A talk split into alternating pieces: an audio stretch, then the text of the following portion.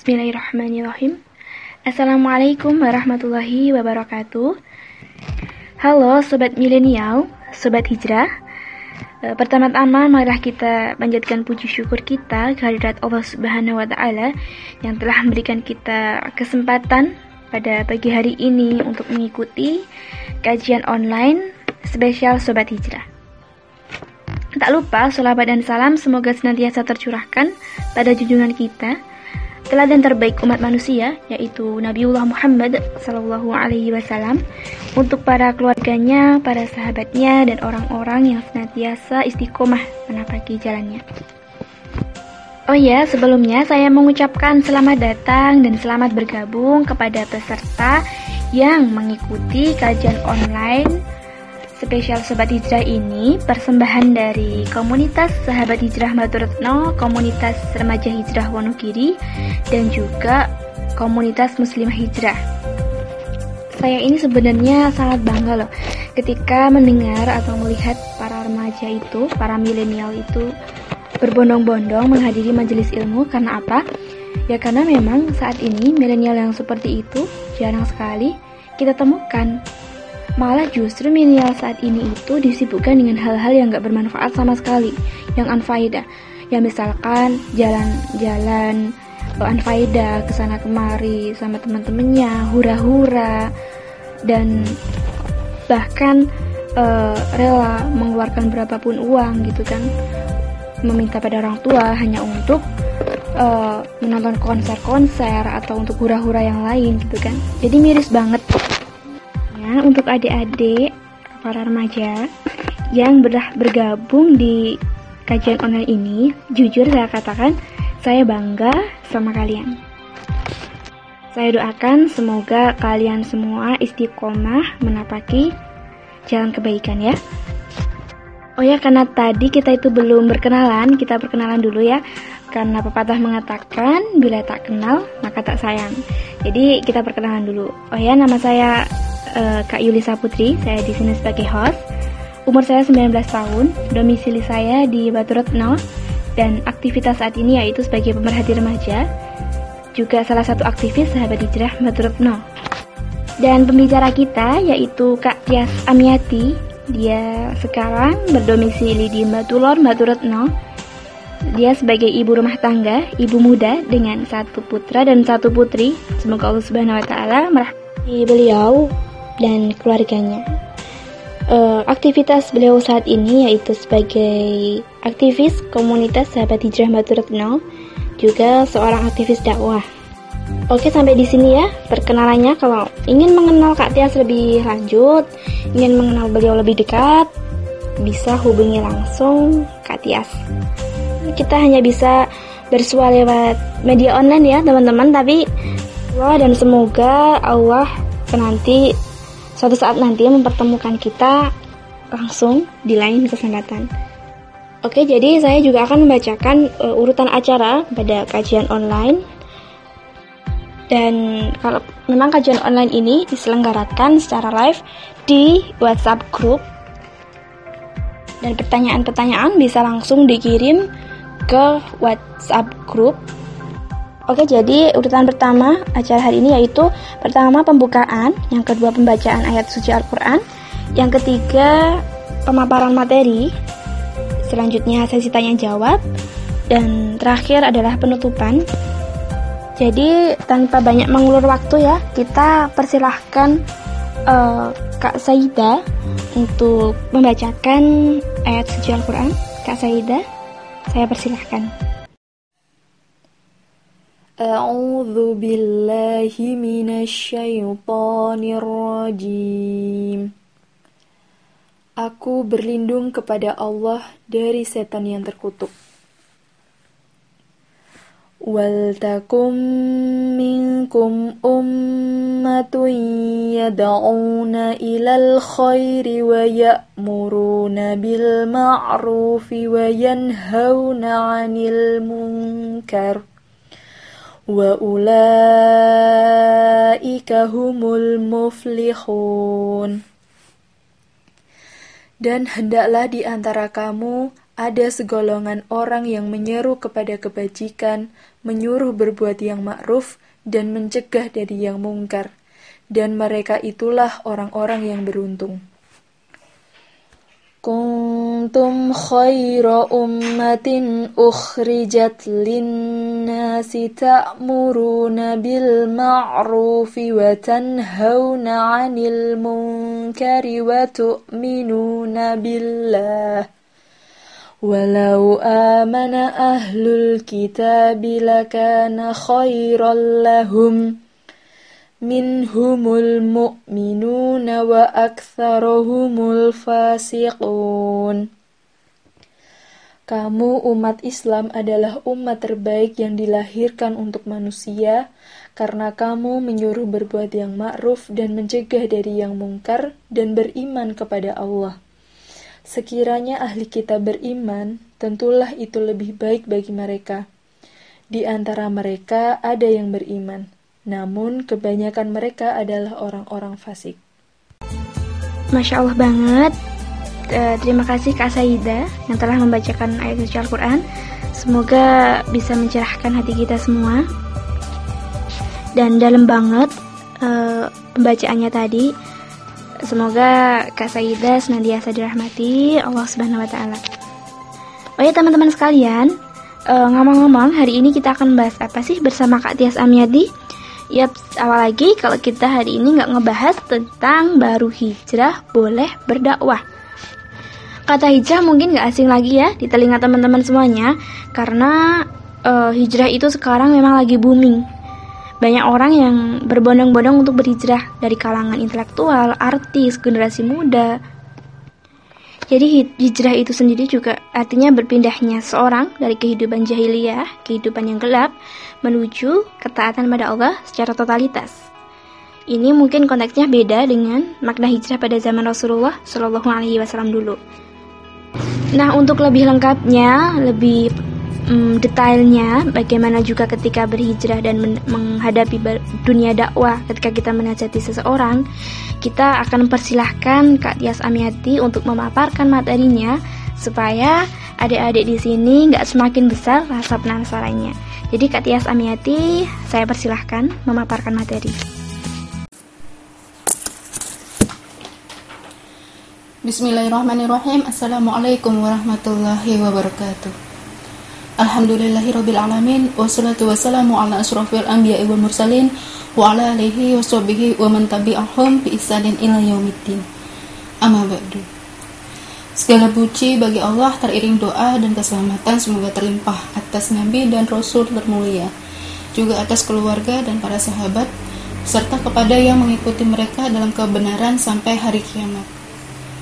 Hai Sobat Hijrah, ayo hasil Semakin enjoy belajar dari rumah atau justru gabut gak tentu arah nih?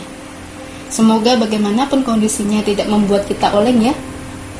Terlebih sebagai seorang muslim, sudah semestinya kita punya pegangan yang kokoh serta arah yang jelas dalam mengarungi lembah bukitnya kehidupan. So, anti galo-galo ya. Alhamdulillah kita dipertemukan kembali untuk mengikuti kajian online Sobat Hijrah.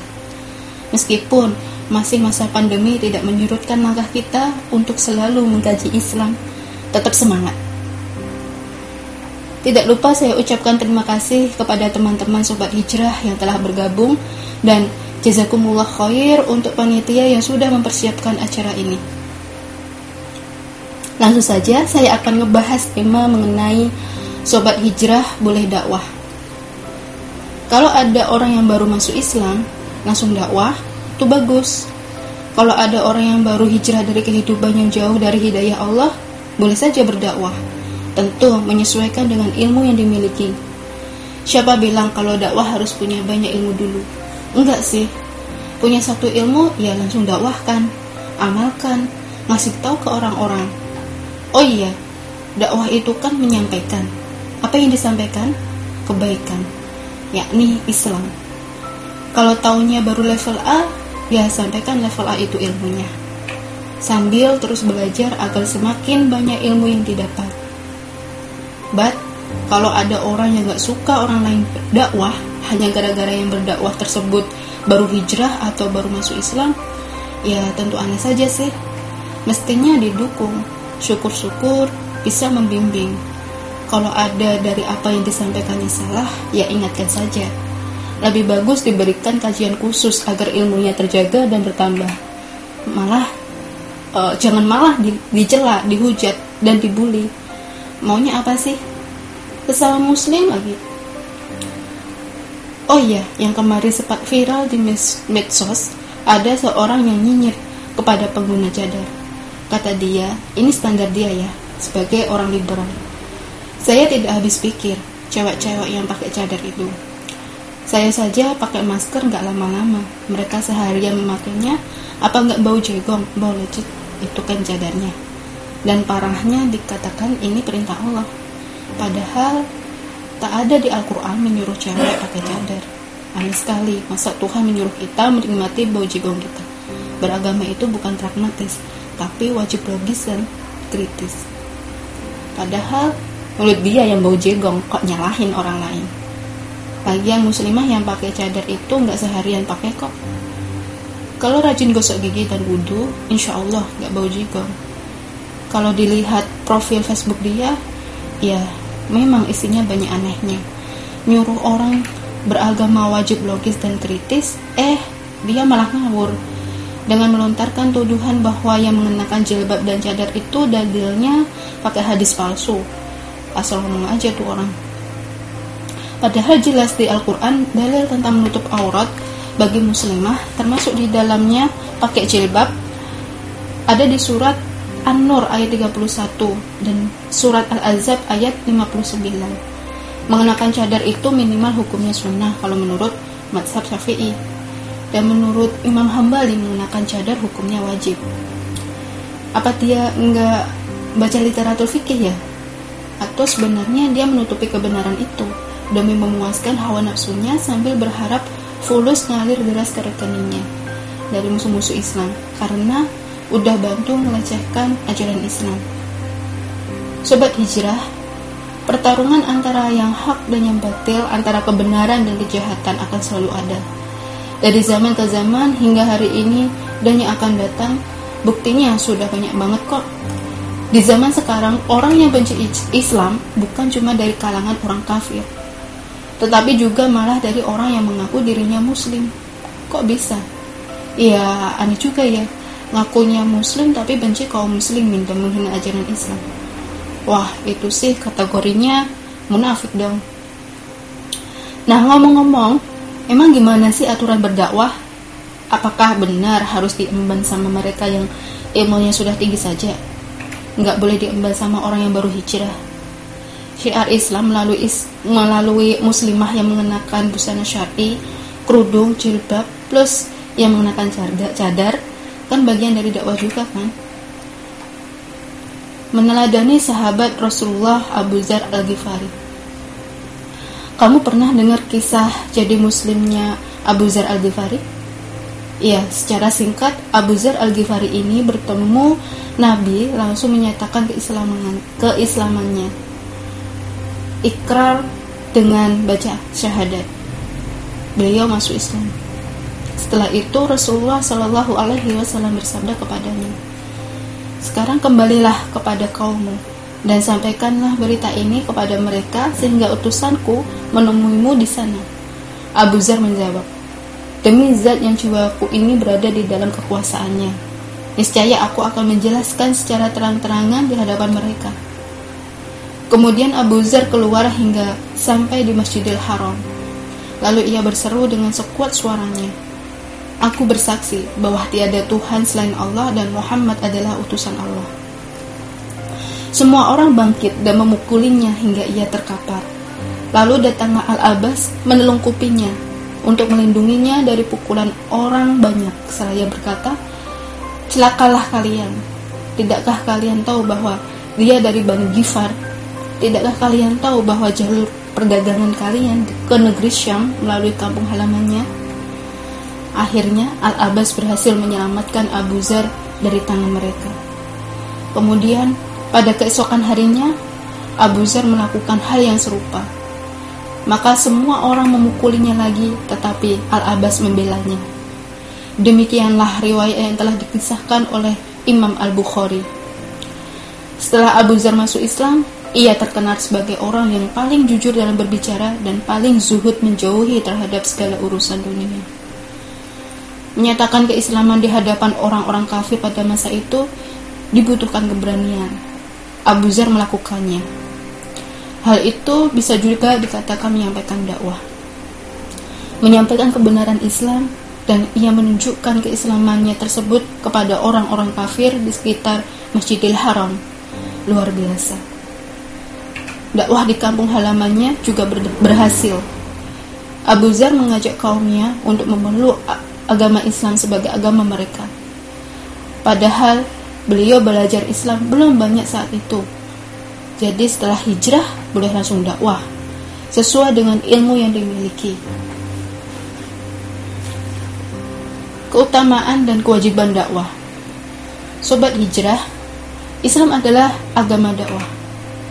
Salah satu inti dari ajaran Islam memang perintah kepada umatnya untuk berdakwah, yakni mengajak manusia kepada jalan Allah, tauhid, dengan hikmah, hujah atau argumen, serta menawarkan solusi hakiki yang berasal dari Islam. Kepedulian terhadap dakwah jugalah yang menjadi trademark seorang muslim. Artinya, orang mukmin yang cuek terhadap dakwah bukan mukmin yang sejati. Apa iya kita tega jika ada teman kita yang berbuat maksiat, tapi kita diamkan saja. Bahkan Allah memuji aktivitas mulia ini dalam firman-Nya yang artinya, Siapakah yang lebih baik perkataannya daripada orang yang menyuruh kepada Allah mengerjakan amal yang soleh dan berkata, Sesungguhnya aku termasuk orang-orang muslim. Quran Surat Fusilat ayat 33 Dalam ayat lain, Allah memerintahkan kepada umatnya untuk berdakwah seperti dalam firman-Nya yang artinya serulah manusia kepada jalan Tuhanmu dengan hikmah dan pelajaran yang baik dan bantalah mereka dengan cara yang baik. Quran Surat An-Nahl ayat 125 Menyeru kepada yang ma'ruf dan mencegah dari perbuatan mungkar merupakan identitas orang muslim. Itu sebabnya Islam begitu dinamis. Buktinya, mampu mencapai hingga sepertiga planet bumi ini. Itu artinya hampir seluruh penghuni daratan di dunia ini pernah hidup bersama Islam. Betul, ketika kita belajar ilmu bumi, disebutkan bahwa dunia ini terdiri dari sepertiga daratan dan dua pertiga lautan. Masya Allah, inilah prestasi hebat para pendahulu kita. Itu karena mereka memiliki semangat yang tinggi untuk menegakkan kalimat tauhid di bumi ini dan punya kepedulian untuk menyebarkan dakwah dan jihad sesuai dengan seruan Allah yang artinya dan perangilah mereka itu hingga tidak ada fitnah lagi dan hingga ketaatan itu hanya semata-mata untuk Allah. Quran surat Al-Baqarah ayat 193. Ini di zaman yang sudah jauh berubah ketimbang ribuan tahun lalu saat Islam mulai menyebar. Ketika saat ini arus informasi makin sulit dikontrol, internet misalnya telah mampu memberikan nuansa budaya baru Kecepatan informasi yang disampaikan ibarat pisau bermata dua. Bisa menguntungkan sekaligus merugikan. Celakanya, ternyata banyak antara kita yang harus mengurut dada lama-lama. Bahwa kenyataannya harus kita hadapi dan rasakan adalah lunturnya nilai-nilai ajaran Islam. Tentu ini akibat informasi rusak yang telah meracuni pikiran dan perasaan kita. Kita bisa saksikan dengan mata kepala sendiri bahwa banyak teman remaja yang tergoda dengan beragam rayuan maut peradaban rusak itu, seks bebas, narkoba, dan beragam kriminalitas. Mengerikan. Sobat hijrah rohimakumullah. Islam membutuhkan tenaga, harta, bahkan nyawa kita untuk menegakkan agama Allah ini. Itu sebabnya melalui aktivitas dakwah yang kita lakukan, maka kerusakan yang tengah berlangsung ini masih mungkin untuk dihentikan bahkan kita mampu untuk membangun kembali dan mengokohkannya. Tentu semua ini bergantung kepada partisipasi kita dalam dakwah ini. Bagi para pemula yang baru hijrah, tentunya menyesuaikan dakwahnya dengan kemampuan ilmu yang dimiliki saat ini. Sambil terus belajar agar ilmu kian bertambah. Tetap semangat berdakwah meski kondisi membatasi ruang gerak di dunia nyata Namun, semangat dakwah harus tetap menyala di dunia maya. Tunjukkan bahwa diri sudah berhijrah dan berubah, serta aktif berdakwah, supaya prestasi kita dikenang sampai penduduk langit. Jangan lupa bergaul dengan banyak pihak, khususnya para ustadz dan ulama, agar ilmu agama kian bertambah. Betul, semua kalangan harus aktif berdakwah. Jika tidak, maksiat akan merajalela. Coba, apa kita tidak merasa risih dengan maraknya pergaulan bebas di kalangan remaja dan juga orang tua? Apa kita tidak merasa was-was dengan tingkat kriminalitas pelajar dan tentunya orang dewasa yang makin meroket saja? Apa kita tidak merasa kesal melihat tingkah remaja yang hidupnya tak dilandasi dengan ajaran Islam? Seharusnya masalah-masalah seperti inilah yang menjadi persoalan kita siang dan malam. Beban yang seharusnya bisa mengambil jatah porsi makan kita, beban yang seharusnya menggerogoti waktu istirahat kita, dan beban yang senantiasa membuat pikiran dan perasaan kita tidak tenang jika belum berbuat untuk menyadarkan sesama dengan dakwah ini. Itu sebabnya kita sebisa mungkin melakukan aktivitas mulia ini sebagai bukti kasih sayang kita kepada saudara yang lain. Rasulullah Shallallahu Alaihi Wasallam bersabda, perumpamaan keadaan suatu kaum atau masyarakat yang menjaga batas batasan hukum-hukum Allah, mencegah kemungkaran, adalah ibarat satu rombongan yang naik sebuah kapal. Lalu mereka membagi tempat duduknya masing-masing. Ada yang di bagian atas, ada sebagian di bagian bawah. Dan bila ada orang yang di bagian bawah akan mengambil air, maka ia harus melewati orang yang duduk di bagian atasnya. Sehingga orang yang di bawah tadi berkata, Seandainya aku melindu, melubangi tempat duduk milikku sendiri untuk mendapatkan air, tentu aku tidak mengganggu orang lain di atas. Bila mereka, para penumpang lain, membiarkannya, tentu mereka akan binasa. Hadis riwayat Bukhari. Untuk ke arah ke sana, tentu membutuhkan kerjasama yang solid di antara kita. Baik yang baru hijrah, mu'alaf, awam, ustadz, sampai ulama. Jika kita ingin cepat membereskan berbagai persoalan, tentu butuh kerjasama yang apik, solid, dan fokus pada masalah. Pemikiran dan perasaan di antara kita harus disatukan dengan ikatan akidah Islam yang lurus dan benar. Kita harus satu persepsi bahwa Islam yang mampu menyelesaikan semua permasalahan dan Islam harus tegak di muka bumi ini.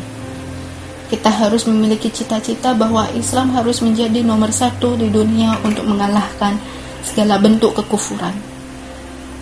Itulah di antaranya alasan kenapa kita wajib berdakwah, menaruh peduli, dan tentunya menyiapkannya dengan benar dan baik dengan mendekatkan diri di majelis ilmu pembinaan Islam Salah satunya dengan mengikuti kajian online supaya tidak bias, bingung terhadap pemikiran yang bertentangan dengan akidah Islam.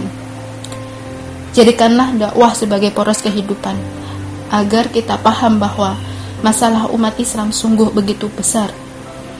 Berjamaahlah agar tidak merasa berjuang sendiri. Caranya, bergabung dengan komunitas-komunitas Islam. Semangat, walau baru hijrah, bisa langsung dakwah.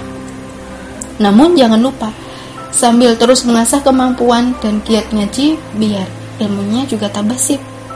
Wassalamualaikum warahmatullahi wabarakatuh.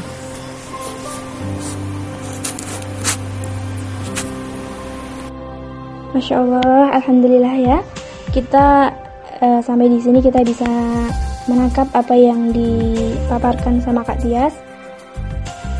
Jadi gimana teman-teman? Semoga kita bisa tercerahkan ya. Kita menambah bisa pemaparan Kak Tias tadi bisa menambah iman kita, menguatkan tekad kita dalam berhijrah dan juga berdakwah. Jadi kesimpulannya eh, berdakwah itu hukumnya wajib bagi kita terlepas dari apa pun tanggapan manusia. Karena sunatullahnya memang begitu ketika seseorang menyampaikan kebenaran, maka ia tak bisa lari dari caci maki, tak bisa lepas dari penolakan, tak bisa lepas dari pembenci. Nah, karena pada zaman Rasulullah Shallallahu Alaihi Wasallam dahulu e, juga begitu. Bahkan beliau mengalami hal yang lebih parah. Beliau bahkan dilempar dengan kotoran hanya karena menyampaikan kebenaran Islam. Makanya e, kita harus pintar-pintar mengendalikan hati dan perasaan kita. Ya mungkin mereka yang mencaci, mereka hanya belum mengerti. Mereka yang membenci, mereka yang menolak, mereka hanya belum paham. Jadi sebaiknya kita doakan saja mereka agar kita semua dan mereka senantiasa diberikan hidayah sama Allah. Kita berdakwah karena kita melakukan e, melaksanakan kewajiban. Kita berdakwah sesuai ilmu yang telah kita dapat. Seperti hanya pada e, zaman Rasulullah gitu, para sahabat ketika menerima ilmu dari Rasulullah, mereka langsung menyampaikan sesuai apa yang mereka dapat. Tugas kita selanjutnya yaitu terus belajar mengkaji Islam agar bekal dakwah kita ini juga semakin banyak dan mumpuni. Jadi saran saya tetap semangat menebar kebaikan, tetap semangat berdakwah. Uh, semoga Allah kuatkan langkah kita, Allah kuatkan hati kita, menerima berbagai ujian, menerima berbagai respon orang-orang sekitar. Semoga juga Allah senantiasa meridhoi tiap langkah kita. Jadi itu tadi uh, pemaparannya dari Kak Tias dan uh, acara ini juga akan segera selesai. Jadi saya sebagai host meminta maaf apabila ada salah, ada kurang, e, mungkin ada perkataan yang tidak mengenakan di hati.